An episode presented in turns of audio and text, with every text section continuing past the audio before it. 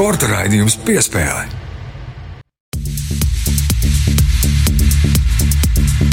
Esiet sveicināti Latvijas radio pirmā kanāla sporta raidījuma piespēle klausītāji. Kā jau alaži, studijā ir Mārtiņš Kļavnieks un mans kolēģis Mārs Bergs pie otra mikrofona. Sveiks, Māri! Sveiks, Mārtiņ! Sveicināti klausītāji! Pienākusi februāra pēdējā nedēļas nogale un, kā ierasts, redzījums piespēle jūsu radio uztvērējos. Un šajā reizē runāsim par diviem lieliem panākumiem Latvijas sportā. Viens pavisam, pavisam svaigs, nedēļu vecs, otrs jau ar diezgan cīrmu bārdu. Tā šim panākumam jau 40 gadu jubileja apriti.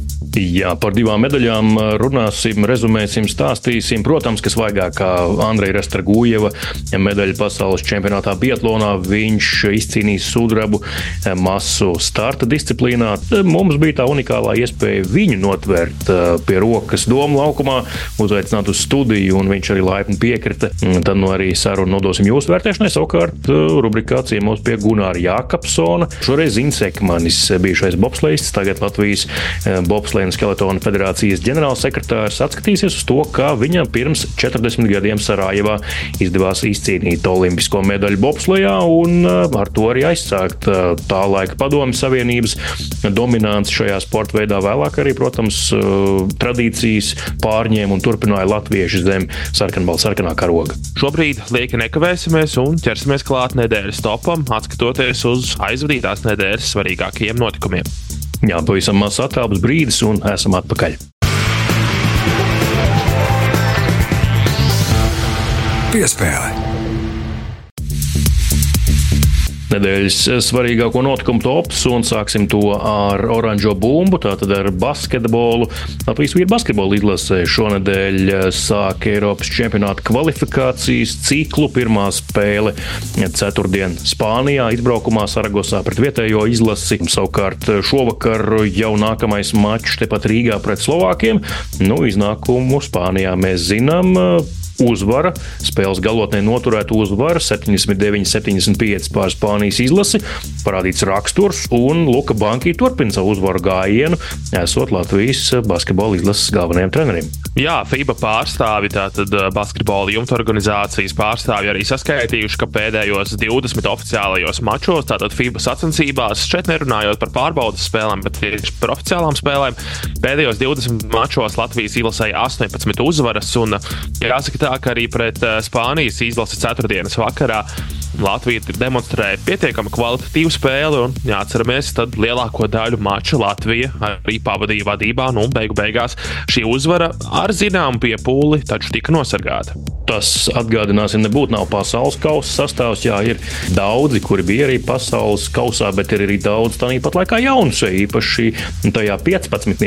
kas bija aizbraucis uh, uz Saragosu. Trīs, protams, uh, palika malā Ojārs Siliņš, Krišs Helmanis un uh, jaunais Roberts Blūms bet 12. arī, piemēram, Mārcis Steinbergs, kuram daudz lielāka loma. Kārli Šīliņu mēs ieraudzījām izlases kontekstā, un iespējams daudziem tas ir jaunatklājums, bet eh, zinot, kā viņš pagājušajā sezonā spēlēja Liepājā, šo sezonu jau Vācijas Bundeslīgā, nu, tas laikam tomēr nav nekāds eh, pārāk lielais pārsteigums, bet prieks, ka viņš arī pietiekami raiti iejuties ir izlasē. Nu, un, eh, Jā, nu, protams, Latvijas izlases spēle nebūtu, nebija ideāla, pārāk daudz dažādu kļūdu. Latvijas izpildījumā to uzsvēra gan paši spēlētāji, spēlētāji, gan arī treneri pēcspēles intervijās. Bet, kā jau minēju, jauni spēlētāji, jaunās pozīcijās, jaunās lomās.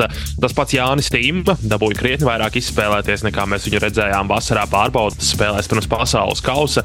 Nu, ir pienācis tas laiks, kad mēs varam runāt par to, ka Latvijai ir zināma uzvaru sērija pret Spāniju basketbolā. Tas nekad nav līdz šim noticis. Ar kolēģiem arī no citiem medijiem aprunājoties pēc šīs spēles, mēs tā spriedām, ka Latvijai patiesībā rezerves jau ir krietni, krietni dziļākas nekā Spānijai. Spānija jau bija būtībā gandrīz savā labākajā sastāvā no tā, ko viņi var savākt Eiropā. Tur varbūt ir kādi trīs spēlētāji, Usmans Garūba, Vilijs Hernandez Gomes un Rudijs Fernandes, kuri varēja spēlēt, varbūt vēl kāds. Nu, Latvijai rezerves ir krietni dziļākas, un Latvija var būt vēl krietni spēcīgākā sastāvā. Nākamā pieturvieta nedēļas topā atkal basketbols, dāmu basketbols, TTT Rīga. Šosezon bija cīnījusies bez zaudējumiem. Eiropas turnīrā tikusi līdz ceturdaļfinālam un pirmajā ceturdaļfināla cīņā Rīgā. Diemžēl zaudējums ar 70 pret 83 un Venecijas Umana Reier bija pretiniecis, kas sagādāja TTT pirmo zaudējumu Eiropas sezonā. Tas nenozīmē, ka tagad viss ir beidzies un viss ir ārkārtīgi drūmi krūmi. Tas eh, patīkamais Eiropausā ir tas, ka tālāk tiek eh, uzvarētājs divu spēļu summā, un mīnus 13 eh, basketbolā, īpaši modernajā basketbolā, nav nemaz tik daudz. Droši vien bija pienācis laiks tam brīdim, kad TTT ir jāizvada kāda slikta spēle sezonā. Nu, diemžēl tas pienāca šajā brīdī Eiropas kausa ceturtdaļfinālā atbildīgā spēlē. Tiešām ne tā labākā spēle TTT komandai, bet Šķiet, Mārtiņš Gulbis, TTT galvenais treneris, vislabāk rezumēja visu šo situāciju. Mums ir vēl 40 minūtes Venecijā. Un, kā jau teici, 13 punkti. Tas nav maz, bet tas nav nekas neatspēlējams. Tas ir pilnībā atspēlējams deficīts izbraukumā. Nevajadzētu plinti mest krūmos priekšlaicīgi. Un eh, nākamā pieturvieta šīs nedēļas spilgtāko notikumu topā beidzot ir Izglītības un zinātnes ministrija sapratusi, cik naudas tad kurai sporta federācijai ir jāpārskaita un arī to gatavu darīt. Nu, daudz izmaiņu gan tajā prioritāro sporta veidu 15. nav, bet futbols vairs nav pirmajā vietā. Vieglatlētika to ir apsteigusi, un vieglatlētika šogad saņems eh, visvairāk naudas eh, no valsts tieši Latvijas Vieglatlētikas Savienība - 407 17,000 ir tā summa, ko saņem šī federācija. Futbols nedaudz mazāk, bet arī pār 400 tūkstošiem un trīnieku noslēdz Latvijas riteņbraukšanas federācija. Tas ir tas lielais sporta veidu trīnieks. Latvijas Hokeja federācija, kas bija ļoti skaļa un izteica savas pretenzijas par pirmkārt jau šiem kritērijiem, to necaurskatāmību, viņu prāt, un arī iespējams datu falsificēšanu kādu federāciju izpildījumā, palika tajā pašā desmitajā vietā, kurā bija jā, daži tūkstoši vairāk vairāk, bet tik un tā noslēdz desmitnieku. Pēdējo divu, trīs nedēļu laikā ir notikusi zināma datu precizēšana, tāpēc arī ir šīs izmaiņas. Taču šonadēļ Medijas Delfi publicēja tādu interesantu pētniecisku rakstu, kur arī ir lietas, par kurām gribētos aizdomāties par to, cik strauji, piemēram, pēc šiem iesniegtajiem federāciju datiem mums ir audzis bērnu un jauniešu skaits sportā un vēl dažādi fakti. Nu, ja mēs tiešām ticam šiem cipariem, kā tie ir rakstīti, nu tad Latvija ir pirmrindniekos izaugsmē, piesaistot bērnus un jauniešus sportam. Un, nu, protams, arī aizkulisēs ir dzirdēts dažāds viedoklis, ka ar datiem līdz galam kaut kas kārtībā tomēr nav. Nākamā pieturvieta savā ziņā par sportu, tāpat laikā nepavisam ne par sportu. Šonadēļ tika atklāts tās pasākums, ko sauc par nākotnes spēlēm. Tās norisinās Kazaņā, un tās atklāja Krievijas diktators Vladimirs Putins. Skaidrs, ka tās ir pavisam vienkārši sakot tādas propagandas spēles, lai pasaulē parādītu, ka Krievija nav izolēta no pasaules sporta. Mūs joprojām mīl, pie mums brauc viesi no ārzemēm un paskat 2000 uh, sportistu no vairāk nekā 20 valstīm sacenšas gan fiziski, gan digitāli. Tāds diezgan interesants, lai neteiktu vairāk sacensības. Nav saprotams, kas tās vispār tādas ir, bet nu, tādas alternatīvās Krievijas Olimpiskās spēles, un tur piedalās arī latvieši. Arī cilvēki ar Latvijas pasēm kabatā, nu, vairums gan ar slāviskiem uzvārdiem, tie ir hokeisti, diemžēl. Krievija vispār ir tāda valsts, kur ļoti daudz kas ir nesaprotams. Arī vēl pirms kara, kā bija šis labais teiciens, ka Krievijas bez pudeles šņābi tāpat nesaprast. Tas tādai liriskai atkāpē, jā, nu, kā jau minēju, vairāk hokeisti uz šo pasākumu devās. Tādi zināmākie Ervīns Muštukovs un Kirillis tam bija jau šie sportisti, arī ir bijuši Latvijas nacionālajā izlasē. Vēl vairāk spēlētāji, zemāka līmeņa hokeisti devās uz Kazaņu, lai piedalītos šajā spēlēs. Balfons neslīgs pusmiljons ASV dolāru dolāru. Kā jau mēs runājām, tā ir asiņaina nauda, un viens no šī stāsta pēdiņās varoņiem sociālās saziņas platformā X atbildot uz uh, viena no žurnālistu rakstiem, jautājumiem uh, arī ierakstīja, at tev tiešām par to jāraksta, vai kaut kā tam līdzīga. Nu, tas, man liekas, arī ir diezgan bērnišķīgi, tāds pieklasnieka gājiens. No ko tu domāji? Nerunās par to, nerakstīs. Zem mucājas dzīvojis pēdējos divus gadus, nesaprotu, ko tu dari. Šī ir nedēļa, kad uh, aprita tieši divi gadi kopš Krievijas pilna mēroga iebrukuma Ukrajinā un desmit gadi kopš kara sākuma Ukrajinā. Cilvēki tiešām es joprojām brīnos, kā un kādā informatīvā telpā ir jādzīvo, vai cik ļoti nav jāinteresējas par lietām, jāsaprot nu, kaut vai tādas pavisam vienkāršas lietas, globālas tendences, lai būtu skaidrs, nu, kurš ir agresors un ar kuru nevajag saistīties, un, un kurš šeit ir upuris un, un kurš ir jāatbalsta. Labi, par karu varbūt sportisti nevēlas izteikties, Dievs ar viņiem spēlēm, bet šajā gadījumā aizbraukt uz Krieviju, uz propagandas spēlēm un vēl lūgt, eh, vai pat ne lūgt, bet pieprasīt publiskos komentāros par to nestāstīt, eh, ka žurnālisti ir vainīgi vai kāpēc tas vispār jādara. Tu jau nosauc divus no šiem te uz Kazaņa aizbraukušiem. Ervīns Muštukovs, Kirills Tambijovs, vēl ir Pāvils Goroškovs, Mārtiņš Lavrovs, Aleksējs Popovs, Alisers Mubaraškins un Nikita Zantmans. Nu, galu galā neviens no šiem tevis nosauktajiem spēlētājiem spēlētājiem nav tuvumā ne Latvijas hokeja izlasē, ne arī Latvijas florbola izlasē. Nu, droši vien, ka ne pirmajai, ne arī kādai piektajai. Jā, bet noteikti negribētu viņus nākotnē redzēt, trenējam bērnus uh, kādā vietējā hokeja komandā vai federācijā strādājam, kur nu vēl uh, līdz ar to es ceru, ka nu, arī šādi šādas iespējas viņiem tiks liektas, bet nu, vēl viena ziņa, kas arī parādījās tuvāk nedēļas nogalē, um, ka visi šie hokeisti ir izsaukti uz pārunā valsts drošības dienestā. Jā, viens no saimnes deputātiem uzrakstīja iesniegumu ceturtdien, ka to vajadzētu darīt, un valsts drošības dienests arī ļoti ātri reaģēja. No acīm redzot, atbraucot no Kazaņas, viņiem būs tāda nopietna saruna. Jā, un pēdējā pieturvieta šīs nedēļas spilgtāko notikumu topā - futbols. Raimons Krollis līdz šim pārstāvēja Itālijas pēc spēka otrās līgas, jeb B sērijas komandu Spēcija. Nav tikpat kā spēlējis šajā sezonā, arī pagājušajā ārkārtīgi maz A sērijā, bet uh, spēcija nolēmusi Krolli izīrēt. Izīrēt Čehijas klubam, kas varbūt neskan nemaz tik traki, bet Čehijas otrās līgas klubam, kas par laimi ir šīs līgas pirmajā vietā, bet tik un tā tā ir Čehijas otrā līga. Nu, protams, ka ievērojams solis uh, zemāk, līdervienība, iespēja sevi labi apliecināt, atgūt vārtu gūšanas garšu. Varbūt tieši tas ir tas, kas Raimonam Krolim šobrīd ir vajadzīgs. Tas ir koks ar diviem galiem. No vienas puses, labi, ka viņš šo brīdi ir ticis prom no Itālijas, jo arī kā itāļu presa raksta, tad uh, Raimons Krolis spēcīgas rotācijā bija nomināli sastais uzbrucējs cerēt uz spēlēšanu nevajadzētu, tas arī pierādījās, ka viņš ir ļoti maz spēlējis. Nonāk Čehijā arī nekas spožs, nu, godīgi sakot, īsti jau variantu Raimondam Krolim šobrīd nav. Ja viņš nesitīs vārtus Čehijā, otrajā līgā, tad uh, nu, tas nekas labs nebūs. Tas neizskatīsies labi viņa profesionālajai karjerai. Un, godīgi sakot, ir vienkārši žēl, ka šī pārēja uz spēciju, uz Itālijas A sēriju tobrīd nav rezultējusies tā, kā mēs visi, droši vien tāpat kā, kā pats Raimons un arī visi futbola līdzekļi ir cerējuši. Mēs liekam punktu šīs nedēļas spilgtāko notikumu topām un dodamies pie šīs nedēļas lielās intervijas ar pasaules vicečempionu Biatlonā Andreju Rastragojevu. Pirms intervijas gan mums ar Mārtu tāds neliels priekšvārds.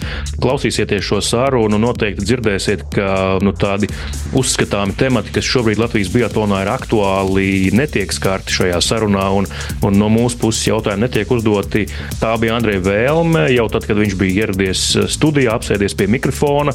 Arī nemeklējiet šīs intervijas video versiju sociālās saziņas vietnēs. Mm, arī tam Andrejs nedēva savu jāvārdu filmēt šo sarunu. Līdz ar to mēs uzdodam šādus jautājumus. Nevienā brīdī nevēlējāmies veikt komplimentāru interviju, bet gluži vienkārši nu, tādi bija apstākļi un tā šī saruna iegrozījās un tāds bija Andreja vēlmes. Sporta raidījums piespēlē.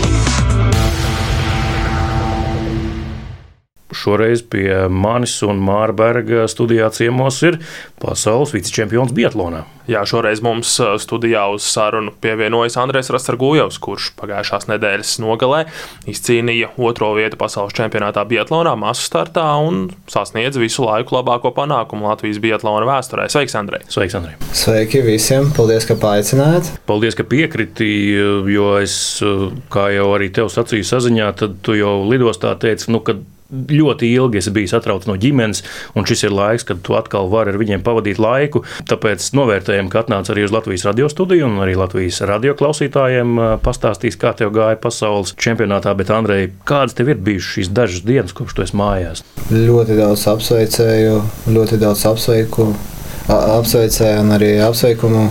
Tas, tas moments ir kaut kāds tāds līdz šim ir bijis, bet nu, tik daudz nu, nekad nav bijis līdz šim. Bet uh, vairāk man bija tas, vairāk fokus uz uh, arī to pašu treniņu darbu, tālāk turpinot, tāpēc ka sezona nav beigusies, kā mēs zinām. Kā mums vēl palika trīs pasaules kausa posmi. Pats svarīgākais ir, protams, ir mana ģimene, mana meita un arī mana mīļotā. Šajās dienās, nedēļā laikā vairāk arī bija plānots veltīt uh, viņiem uzmanību, jo es gandrīz jau divu mēnešu, iepriekš sacīju, neesmu bijis mājās. Protams, arī daudzi raidījumi, radio un, un televīzija ļoti daudz bija aicinājumi, bet es eh, atvainojos, es visus, es fiziski vienkārši nevaru visus akceptēt, pieņemt. Un, uh, pasaules čempionāts ir beidzās, bet mums jāturpina tālāk strādāt, darboties un rādīt arī augstvērtīgus rezultātus arī Kur Bet, tu šeit Latvijā patrenējies? Nu, sniegs te ārā aiz logs nav vairs sniega. Jā, doma laukumā sniega nav jau sen. Kur, kur tu atrodi sniegu šobrīd Latvijā? Nu, nav vienmēr jau viss ir sniegā, tāpēc ka ļoti mazs periods ir līdz nākamajām sacensībām. Vairāk es biju šodien, es biju sporta zālē, kur 3-3,5 stundas veltītām cītīgi strādāju Pieskarsimies arī tam skaidrs, ka tam lielajam notikumam, kur dēļ arī mēs raidījumu piespēli eh, izkārtojumu mainījām nedēļas topā, arī gan jau, ka klausītāji pamanīja. Protams, ka spilgtākais aizvadītās nedēļas notikums eh, tavs eh, sudrabs pasaules čempionātā masu starta distancē, bet es, Andrej, esmu dzirdējis vismaz no kulāru sarunām vai dažām tādām neoficiālām sarunām, ka laikam bija kaut kādas pazīmes, ka tu pats jūti, ka kaut kas labs būs. Vai tā bija, vai es kļūdos? Nu, tu jūti, ka kaut kam labam ir jābūt šajā pasaules čempionātā, tavā izpildījumā. Nu, vairāk ir tas, ka jā, Andrejs ar visiem saviem konsultantiem palīgiem nav kļūdījies, nu, tad uh, visam vajadzēja sanākt.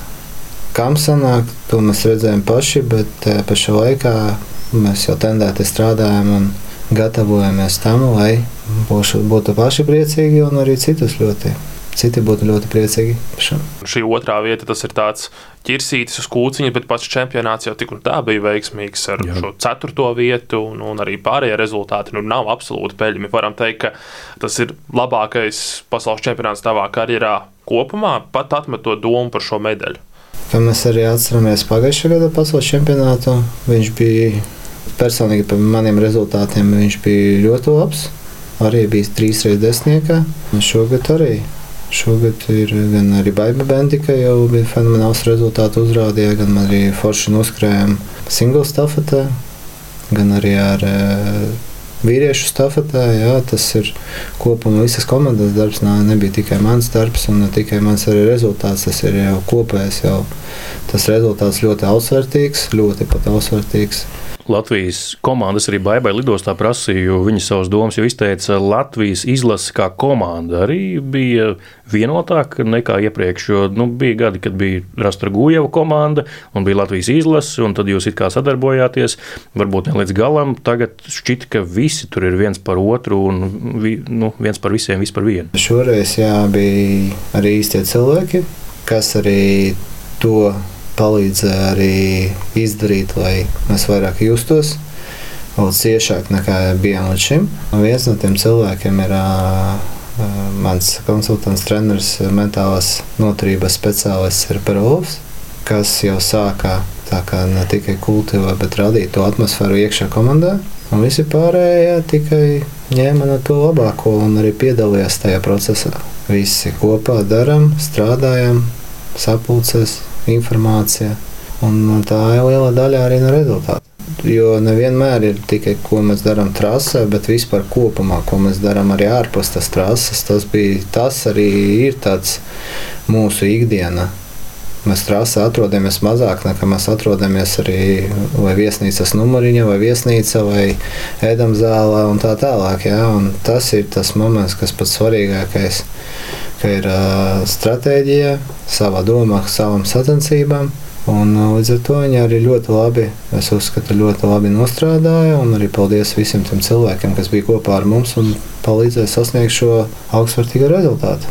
Kas valdīja tavā galvā uzreiz pēc finiša, kad tu sasniedz finiša līniju? To dienu es atceros vispār ļoti, tā, ļoti labi. Atceros visu, kā tā diena iesākās, un arī tā diena turpinājums un aiziet uz pašu startu. Tā kā teica man mentālais treneris Perovs, viņš saka, tev ir divi varianti. Vai nu tu cīnies par medaļu, vai tu cīnies par desmitnieku, vai vēl čuču zemāk, mazliet zemāk. Nu, es izvēlos pirmā. Viss. Un tā viņš saka, ok, tad strādājam uz pirmā. Tas nozīmē, ka vispirms tev pašam galvā ir jāgrib cīnīties par to visaugstāko plauktiņu. Un tikai tad tu to vari darīt. Ja? Tieši tā, ja tev jāgrib cīnīties, un uh, tu izvēlēsies, ko, kam tu esi gatavs šajā dienā. Vai tu esi gatavs tam, nesi gatavs tam, ja tu esi gatavs tam, tad lūdzu, un dari. Viena no iezīmēm, ko mēs visas sezonas garumā esam novērojuši, ir krietni uzlabojusies ir tava šaušana, tā ir palikusi krietni stabilāka. Tas arī ir saistīts ar tavu darbu, ar mentālās sagatavotības treneri kaut kādā veidā, vai tur arī ir tehniskās nianses, ko tu esi mainījis un darījis. Sāksim no sākuma, ka man ir trīs konsultanti, kas ar mani strādā. Trīs konsultanti. Viens ir Valdis Bērziņš, tas ir tīri, kas atbildīgs par šaušanu. Viņš varēja, vairāk nekur nejaucās, un mēs tā arī esam norunājuši. Otrais ir uh, Perovs. Nu, kā ne otrais ir Perovs, kas uh, atbildīgs tieši saistībā ar mentālo sagatavošanu. Un ir Inters Berkulis, ar ko mēs uh, izrunājām par to, ka es gribu, lai viņš man palīdz pašu, pašu to pīķi, to pašu, pašu galviņu modificēt un tajā pašā laikā konkrēti fokusēties uz viņu. Un katrs vienkārši pildīja savu darbu, jo es sapratu, pa visiem šiem gadiem ļoti svarīgi ir tas, ka katrs dara savu darbu un nejaucas citā darbā. Ja sāk taisīt un jaukties citā darbā, sākas haoss. Ja ir haoss, mēs zaudam vērību, uzmanību, enerģiju. Lieki tas vispār, tas darbs ir uh, pilnīgi liekas un Mēs vienkārši zaudējam laiku no tā. Tāpēc mēs arī visi esam vienojušies, un tā mēs arī strādājam. Un tā mēs arī parādām rezultātu. Tā izpagājušā vasarā tas viss jau iesākās. Tad, kad es paliku pilnībā viens ar to, un es sapratu to, ka jābūt visam vienkāršam. Nevajag sarežģīt. Viss ir vienkāršs, elementārs. Ja sāc sarežģīt, sākas problēmas. Ja nav skaidrības, tad tajā neskaidrības miglā arī pazūd tās svarīgās detaļas, kas ir ļoti svarīgas jebkurā sporta vietā, pat īpaši jau biatlonā, lai tiktu līdz tam visaugstākajam rezultātam. Nu, arī tajā diskvalifikācijas laikā tev bija daudz laika domāt un svērt, vai ne, ko tu gribi mainīt, kas strādāja līdz šim. Tu droši vien daudz analizēji to, ko tu līdz šim biji darījis. Nu, vairāk bija tā, ka, jā, ka tu paliec pilnībā viens bez nekā, bez ne finansēm, bez cilvēkiem un tā. Tad tu jau saprati, ka jāatrod vienkāršākais veids, Un man bija beigu beigās tam liekas, jo līdz tam brīdim Andrejs visu laiku skrien, Andrejs visu laiku dara, Andrejs visu laiku meklē finansējumu, Andrejs visu laiku pieslēdz servisu, pieslēdz uh, cilvēks, kas atbildīgs par ieroci, kas visus regulētus, visus momentus, un viņam ļoti maz paliek laika viņam tiešām darbam. Tas ir ko darīt, precīzi šaut un ātri skriet. Ar to diskvalifikāciju bija tā, ka tagad bija viss tas mans laiks. Cik svarīgs ir briedums? tu paliec vecāks, tu nobriesti prātā, arī ķermenī. Tas arī ir no svara, nu, ka tu varbūt esi mierīgāks tā šāviena laikā. Jā, godīgi es nezinu, man ir tikai 20. Es, es vēl neesmu ticis tik tālu, lai būtu brieduma gados vai kaut ko zinātu vairāk. Es nevaru atbildēt šo jautājumu. Ļoti labi atbildēt, Andrej. Sezonas turpinājums, kā jau tu minēji, notiek gatavošanās sporta zāle, vispārējais. Um, kādi tev vēl ir mērķi, ko tu vēlēsies atlikušajā sezonas daļā sasniegt? Nē, nu viennozīmīgi mēs ejam tālāk, mēs neapstājamies. Ko mēs, kas mums sanāks izdarīt, to mums sanāks izdarīt, bet uh, mēs esam gatavi tam. Mēs esam gatavi. Mums tikai kondīcijai vajadzētu tikai augt. Es jau vienmēr esmu komandas spēlētājs. Jebkurā gadījumā, vai Andrejs trenēs atsevišķi, vai viņš dara pa savam, vai vēl kaut ko. Bet viņš jebkurā gadījumā ir komandas spēlētājs. Ja bez komandas tāpat neko nevar izdarīt. Viens pats jau neesmu karotājs. Ja? Un tāpēc es arī biju vairāk arī uzsvēris to, ka jābūt mums atbilstošam servisam, tieši slēpju servisam, lai mēs varētu konkurēt Piemēram, pasaules čempionāta Zviedrijam, Norvēģijam bija kaut kādā 15, ne vairāk, mums bija 3 vai 4, 5. Viņam 15, jā, nu, tas trīs reizes jau vairāk. Trīs reizes vairāk. Jā, bet iepriekš mums bija trīs.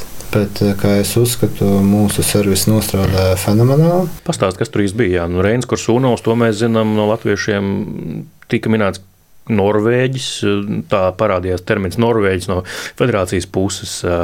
Kāds tad īsti bija šis sastāvs? Viņš tur ienes kaut kādu norvēģu tā saucamās zināšanas, to know-how, kā to visu izdarīt. Kas, kas pastāsta varbūt sīkāk tieši par šo niansu. Pirmkārt, sīkāk es neko nevaru stāstīt. Tas ir konfidenciāla informācija. Visam savi noslēpumi. Es vienīgais varu pateikt, kas ir tajā servisa komandā. Jā, mums ir Reinis Karsunovs, kā jūs arī minējāt, ir Edgars Piksons, jā, ir Olibjons Treteruns, tas ir Norvēģijas speciālists, Perovs, tas pats man ir mentālais treneris, bet paša sākumā, kad mēs iepazināmies, viņš ir servisa cilvēks. Mm. Arī tas ir viņa brālis. Olibjona brālis ir Perovs Treteruns arī. Mm -hmm. Un Ilmārs Brīcis, kas tieši darbojas ne kā servis, bet vairāk uh, testētas slēpes. Tāpēc saku, ka viņi bija pieci, bet uh, smērā trīs, divi testi. Nu, tad novēlam, lai izdodas. Vēlam visu to labāko. Paldies, Andrej, ka atnāci uz šo sarunu Latvijas radio raidījumā piespēlē. Tiešām novērtējam, ka veltīji savu laiku. Cerams, ka arī klausītājiem bija interesanti. Sakām paldies un uz tikšanos kādu citu reizi. Paldies, paldies Andrej, uz tikšanos. Paldies, vislabāk! Piespēle! Latvijas radio Pirmais kanāls, sporta raidījums piespēle, studijā Mārtiņš Kļavinieks un Mārs Bergs. Tālāk saruna ar pasaules vicečempionu Bietlānā Andreju Rastoru Gujevu, bet tagad pie ikmēneša rubrikas ciemos pie Gunāra Jākapsona, un tur vēl viens medaļnieks. Jā, ciemos pie Gunāra, kā jau raidījuma sākumā teicām, Zīns Ekmanis, bijušais bobslēgs, tagad Latvijas bobslēga un skeletonu federācijas ģenerālsekretārs, un sarunā viņi atskatīsies uz 40 gadus seniem notikumiem Sarājevas Olimpiskajās spēlēs 1984. gadā. Klausāmies! Ciemos pie Gunāra Jākapsona. Mans ciemiņš Zintis Ekmanis pirmais latviešu bobslēgs, kurš izcīnījis bronzas godalgu Ziemas Olimpiskajās spēlēs. Šomēnes aprit 40 gadu kopš tā vēsturiskā notikuma. Un no sirds apsveicot tevi, sveicu! Paldies! Mans lūgums ir kaut uz mirkli atgriezties tajās izjūtās, kādas mājoja tevī saņemot šo te olimpisko medaļu. Lielisks, protams, lielisks. Uz mani jau tā necerēja, ka man, man būs tā medaļa, bet nu, es cīnījos un izcīnīju. Jā, nu, savukārt, kad spēles bija galā, tu jau medaļu biji saņēmis, tad man reportāža no Olimpiskās pilsētas skanēja lūk šādi. Paklausāmies! Šovakar izskan mūsu pēdējā reportāža no Trebevičas Olimpiskās kamaniņbraukšanas un bobsleja trases.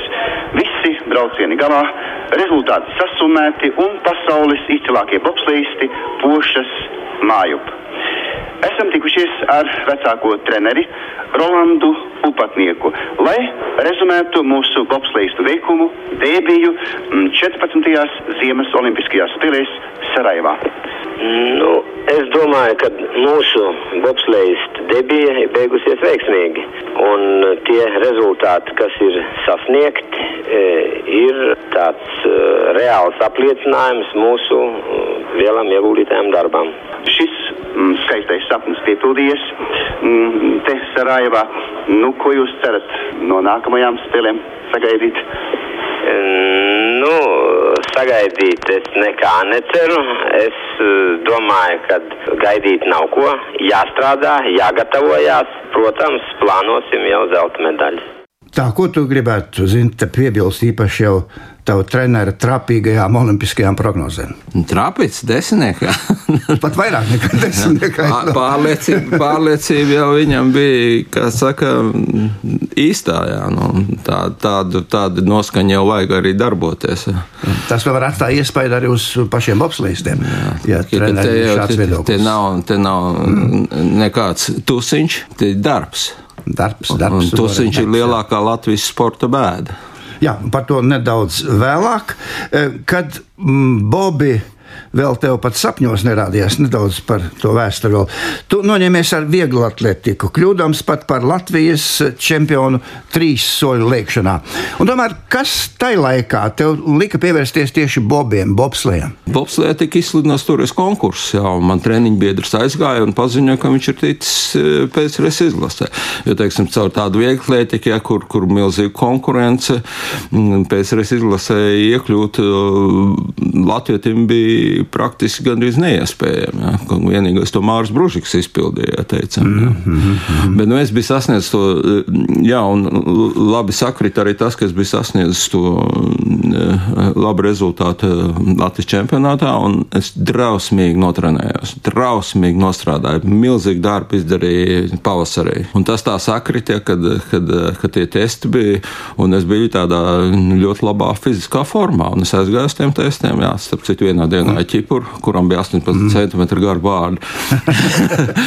un, jā, jā, un, un, un tika iekšā tādā komandā, jā, un tā, tā, tā tas viss sākās. Jā. No, jā, no 80. gada bobslējas Latvijā tas ir, protams, Rolands Upatnieks, un to ir grūti apšaubīt, bet varbūt tu kā viens no šī sporta veida pionieriem vēl kaut ko vēlēs papildināt, precizēt. Mums bija ļoti liela iekšējā konkurence, starp citu. Neskatoties uz to, ka 95% bijām latvieši, jā, jā, tad, tad mums bija arī tāda, teiksim, lielās padomjas pārstāvja, gribēja savus pārstāvjus, daudz rīkoja vēl vairākus testus, kur atbrauca visi, visādi olimpiskie čempioni, Līlos, piemēram, prie, priekšgalā, desmit cīnieki. Tur. Bet vienalga, nu, nu, te īstenojās tas slavenais upatnieku teiciens, ja, ka Latvijas varbūt neskais 10 0 simtnieku, 100 metru skējienu, ja, bet ar kartupeļu mājas uz pleciem pa 11 noskries. ja, tā, un, un, un mēs šais, šais vingrinājumos bija ļoti daudz vingrinājumu, ja, un viss tā kopsumā mēs atkal visus tos, visus tos slavenos tās uh, padomjas uh, vieglietas vinēja. Un tu iesāki par tiem kartupeļiem un maisiem. Jā. Cik uh, svēr šie nu, nosacīti kartupeļu maisi, kas jums bija nu, jāatcelā treniņos? Nu, ko es jums varu stāstīt? Es jums stāstīju, ka ķipurs tupās ar 260 kg, jā, un piecēlās ar. oho, oho. jā, jā. Bija, es, es, piemēram, lecu trīs soli no vietas tālumā, desmit metri. Cik, cik? Desmit metri tālumu no vietas 333. Jā, nu, lai kāds pamēģina šodien to izdarīt. jā, nu mums visiem allaž gribas ko vairāk, ko labāk. Bet par panākumu trūkumu tev tomēr nav jāgaužas. Pasaules čempionāta un kausa medaļnieks, Eiropas un PSRS čempions, četru olimpisko spēļu dalībnieks Lillehammerē, kur bija Latvijas delegācijas karognesējs, kā arī Albervilā, Sarajevā, Kalgarī. Nu, tālāk, trenera karjera, uzņēmēja darbība un federācijas viceprezidenta amats. Tu esi bijis klātesošs visās mūsu bobslēgstu veiksmēs un lielajos panākumos. Tā latiņa šobrīd pacelt ir stipri augstu. Tagad galvenais ir noturēt šo latiņu, īpaši jau domājot par nākamajām Olimpiskajām spēlēm Itālijā. Kas ir tas, kas, eh, uz ko tu gribi vērst uzmanību, lai mēs Itālijā patiešām pienācīgi nostratētu un pirmkārt pienācīgi sagatavotos nākamajām Olimpiskajām spēlēm. Viens, divi, trīs. Teiks. Sāk jau, sāk jau likties, ja, ka panākuma atslēga ir tā, ka teiksim, eh, bobsleja un biatlonu neiekļauj prioritāro sporta veidu sarakstā. Ja. Bet nu, varbūt ir, iekļaus pēc gada jā, vai kā. Varbūt iekļaus, jā, bet laiks ir pazaudēts. Mums ir tāda sajūta personīgi atvainojos, ka es pasaku, ka mūs grib iznīcināt. Un eh, šādas neprofesionāls spriedums ja, par to, ka, ka tas ir nišas sporta veids, ka tur nekas nav, nekāda konkurence. Mums ir latiņi, kas ir, kas ir vācieši. Un tā, tas ir tas augstākais standarts, ka viņi strādā, kā viņi strādā. Mēs jūtamies pazemoti. Atvainojos, ka Jā, nu, pirms mēnešiem trijiem runājot par valsts atbalstu, tu arī izteicies visai skarbi. Latvija, diemžēl, pārvēršas par viduvējību klondaiku. Vai šai situācijā kaut kas nu, varētu mainīties tuvākajos mēnešos kaut vai? Nu, es ceru, ka beidzot kādam, kādam atnāks apjausim. Ja, un, un tā, teiksim, šis periods, kad, kad mūsu represē nebūs, nebūs tik ilgs, un mēs spēsim atgūties. Mēs jau esam pazaudējuši jaunatnes komandu. Bobslēm nesot skatītāji, kā tu vērtē šo nu, faktu? Nu, nu. Siguldā bija pilns. Kā nav, kā nav skatītāji? Man ir, man ir reitingi no te, te, televīzijas. Mums ir ļoti labi reitingi. Runājot par šodien, protams, jāmet skats ir nākotnē. Kā ir ar perspektīvu jaunatni? Savulaik uz testiem, cik atceros, sabrauc pat 200 un 300 entuziastu. Kā ir tagad? Vai stipri puiši un vingras meitenes jau var sākt posties nākamajiem testiem? Protams, mēs uh, tradicionāli katru gadu uh, pavasarī pusē. Un arī, arī tā skaitā rudenī uh, rīkojam tests. Nu, tagad vairs nav tāda laika, kā bija, kad 2003. gadā, kad Prūsis novinēja pirmoreiz Eiropas čempionātu, mums uz testiem atnāk 300 cilvēki. Atceros, es jā. gandrīz apkrītu, jā. bet eh, tagad atnāk nu, 11, nu, 20 maksimums, jā, bet, bet mums gadās, jā, mums gadās ik gadu vienu, divi, trīs, četrus paņemt komandā, jā, un tad, eh, tad vēl smags darbs četri gadi, jā, kamēr, kamēr no viņa mēs izveidojam uh, kārtīgu bobslēstu, jo tas, ar ko atnāk, jā, tas vēl galīgi ne tuvu nav tam līmenim, kā, kāds mums ir vajadzīgs. Mēs viņu paši trenējam, kādus četrus gadus. Saki, Zinti, ja runā par tiem jauniešiem, kas nāk nu, kaut kādiem testiem un nāks, vai, vai tas spicas gals, runājot par, pirmkārt par spēku, par izturību un tā tālāk, un tā tālāk, vai ir apmēram vienādi tie, tie, tie, tie spicas cilvēki? Pirms, teiksim, 30 gadiem un šobrīd, vai tomēr krīt tā fiziskā gatavība? I, i, nē, nē, tā, tā nav. Viņa, mēs skatāmies, pēc mūsu, mūsu absolūtais rezultāts ir tā jauda, tā jauda ar ko tu spēj iestumt uh, trenižeri. Jā, tā, mm. teiksim, un, un šai, šais ciparos uh, ir, ir spēcīgāk. spēcīgāk. Pats spēcīgāk agrāk. Nu, Jā, pats spēcīgāk nekā agrāk, bet ne, ne, ne ļoti daudz, jo agrāk arī bijām uh, labā līmenī, bet, bet spēcīgi. Jā. Tagad par kvantitāti. Nu, jūs jau, teici, 300 atceramies šos laikus. Ja? Bet cik jūs spējīgi esat uzņemt beig beigās arī? Ne, Jums i- jau i- arī savas i- i- iespējas. i- Ideālais variants, ka mums būtu, mums būtu arī tā Eiropas kausa komanda, kas īstenībā ir mūsu por- sporta skola, kur mūsu jaunieši varētu apgūt visas teiksim, Eiropas trases un pasaules trases, pirms sākt uh, nodarbot, nu, piedalīties lielajos mačos. Jā, tā Eiropas kausa komanda, divi divnieki un divi četrnieki vajadzētu būt arī tur. Tad divi divnieki, divi četrnieki brauc uz pasaules kausa, divi divnieki, divi četrnieki. Tas ir apmēram tas optimālais sastāvs, caur kur arī veidojas iekšējā konkurence, zinām, ja, un, un caur kuru notiek attīstība. Jūs taču redzat, ja, ka mums aiziet, diemžēl, diemžēl dēļ veselības problēmām, aiziet eh, pārāk, pārāk agri. Bet nu, neteiksim tas, ka mēs esam arī galīgi sabojājušos. Nu, tur, tur teiksim, eh, dažām ir ģenētiskas problēmas, bija veselība, ja, kad, kad bija vājāk tā mugurā. Ja, teiksim, gan, gan Čibermans, gan Oskars Melmāds, kad sešas gadus par ātru aizgāja projām, 100%. Bet nu, mums vienmēr ir vietā. Otro sezonu tika aizvedot cipuls, ja jau spēja uzvarēt pasaules čempionātā pagājušajā gadā augstāko sasniegumu Latvijas sportā bija otrā vieta. Un mēs neesam prioritāro sporta veidu sarakstā. Trešā vieta Eiropas čempionātā, otrā vieta pasaules čempionātā. Pagaidām, es ceru, ka pagaidām. Ja. Tā kā Rolands Upatnieks savulaik drosmīgi prognozēja, Sarajevā būs medaļa, Kalgarī būs zelts. Kāda ir tava prognoze par nākamajām Ziemas Olimpiskajām spēlēm, kā viņa audzēknim? Mēs, kā federācija, kā neredzamās frontes pārstāvjiem, mēs ar šo to esam izdarījuši.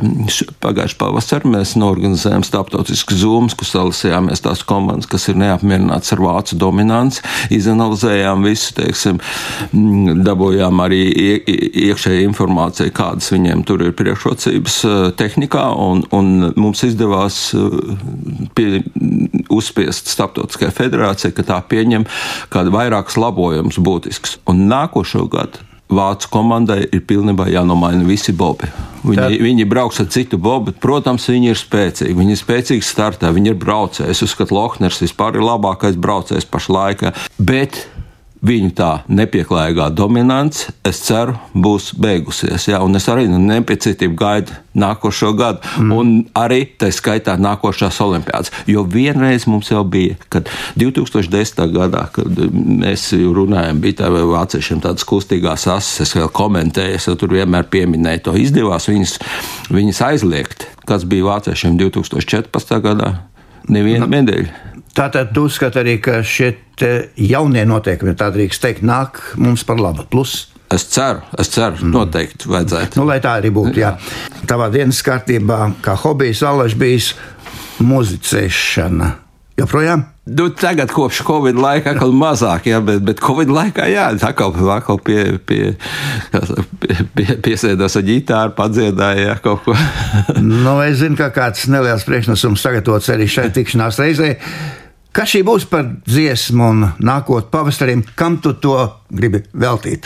Nu, tā tā, tā tāda e, roma, romantiska dziesma. Tā, tāds, Manuprāt, nu, pārāk nu, romantiski. nā- nā- Pavasaris vēl patālu. Nākus no cēsīm, jā, tāds. e, Kāpēc no cēsīm?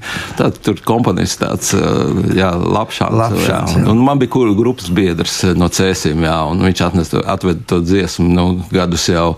O, 45, nē, 48 atpakaļ, kad mēs mācījāmies augstas skolā. Jā. Un tad, tā, tad tā bija tāda izveidojusies pat tāda mūsu veltījuma, teiksim, draudzenēm, sievietēm un sievām. Jā. Paldies, Zinti! Vēlreiz sveicu tevi šai nozīmīgajā jubilejā, 40 gadi. Paldies, ka Tavai, atcerējāties. tavai, tavai olimpiskajai medaļai. Un jācer, ka panākumi mums neizpaliks arī turpmāk. Bet tagad tā tad šī dziesmīņa, lai skan. Palikt kopā, rīt jau citā diena būs. Pārāk bieži vienmēr kopā.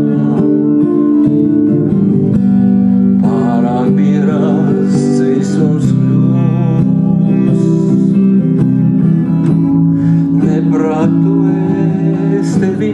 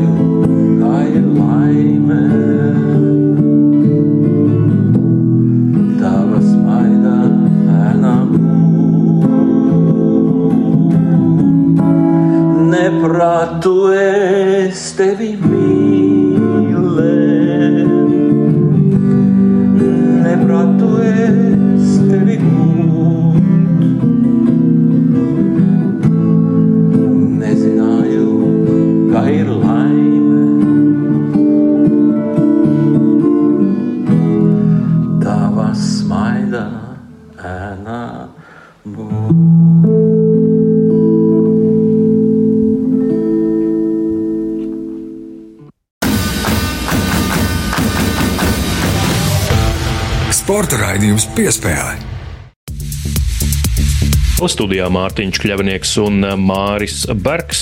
Tā ir lūk, Gunārs Jākapsons saruna ar Zīntu Ekmani.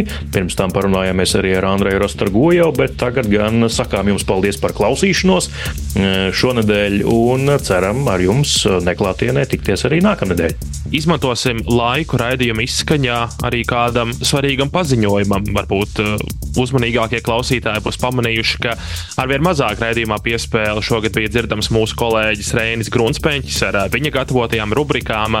Nu, un šeit mums ir jāsaka, ka Reinis ir izlēmis doties citos profesionālajos izaicinājumos. Reinis pārtrauc savas darba gaitas Latvijas radio. Nu, varbūt kādreiz uz atgriešanos. Jā, sakām lielu publisku paldies Rēnim par ieguldījumu arī raidījuma piespēļu veidošanā. Es domāju, ka vēl ilgi atcerēsimies gan mēs, gan jūs viņa rubrikas veidotās, gan kas lācītiem vēdrā, gan arī vēstures stūrītes. Uz to viņam tiešām ir ķēriens un iespējams, ka nākotnē viņš šo ķērienu arī kaut kā liks lietā, bet tagad vēlam visu to labāko un izdošanos Reinim tālākajā ceļā, bet mēs paliekam divatā piespēles veidošanā un pagaidām tā tas arī plānots.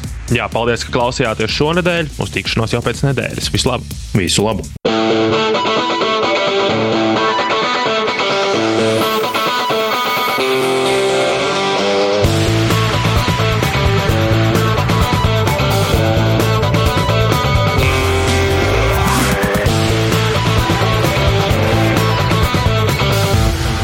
Sporta raidījums piespēle.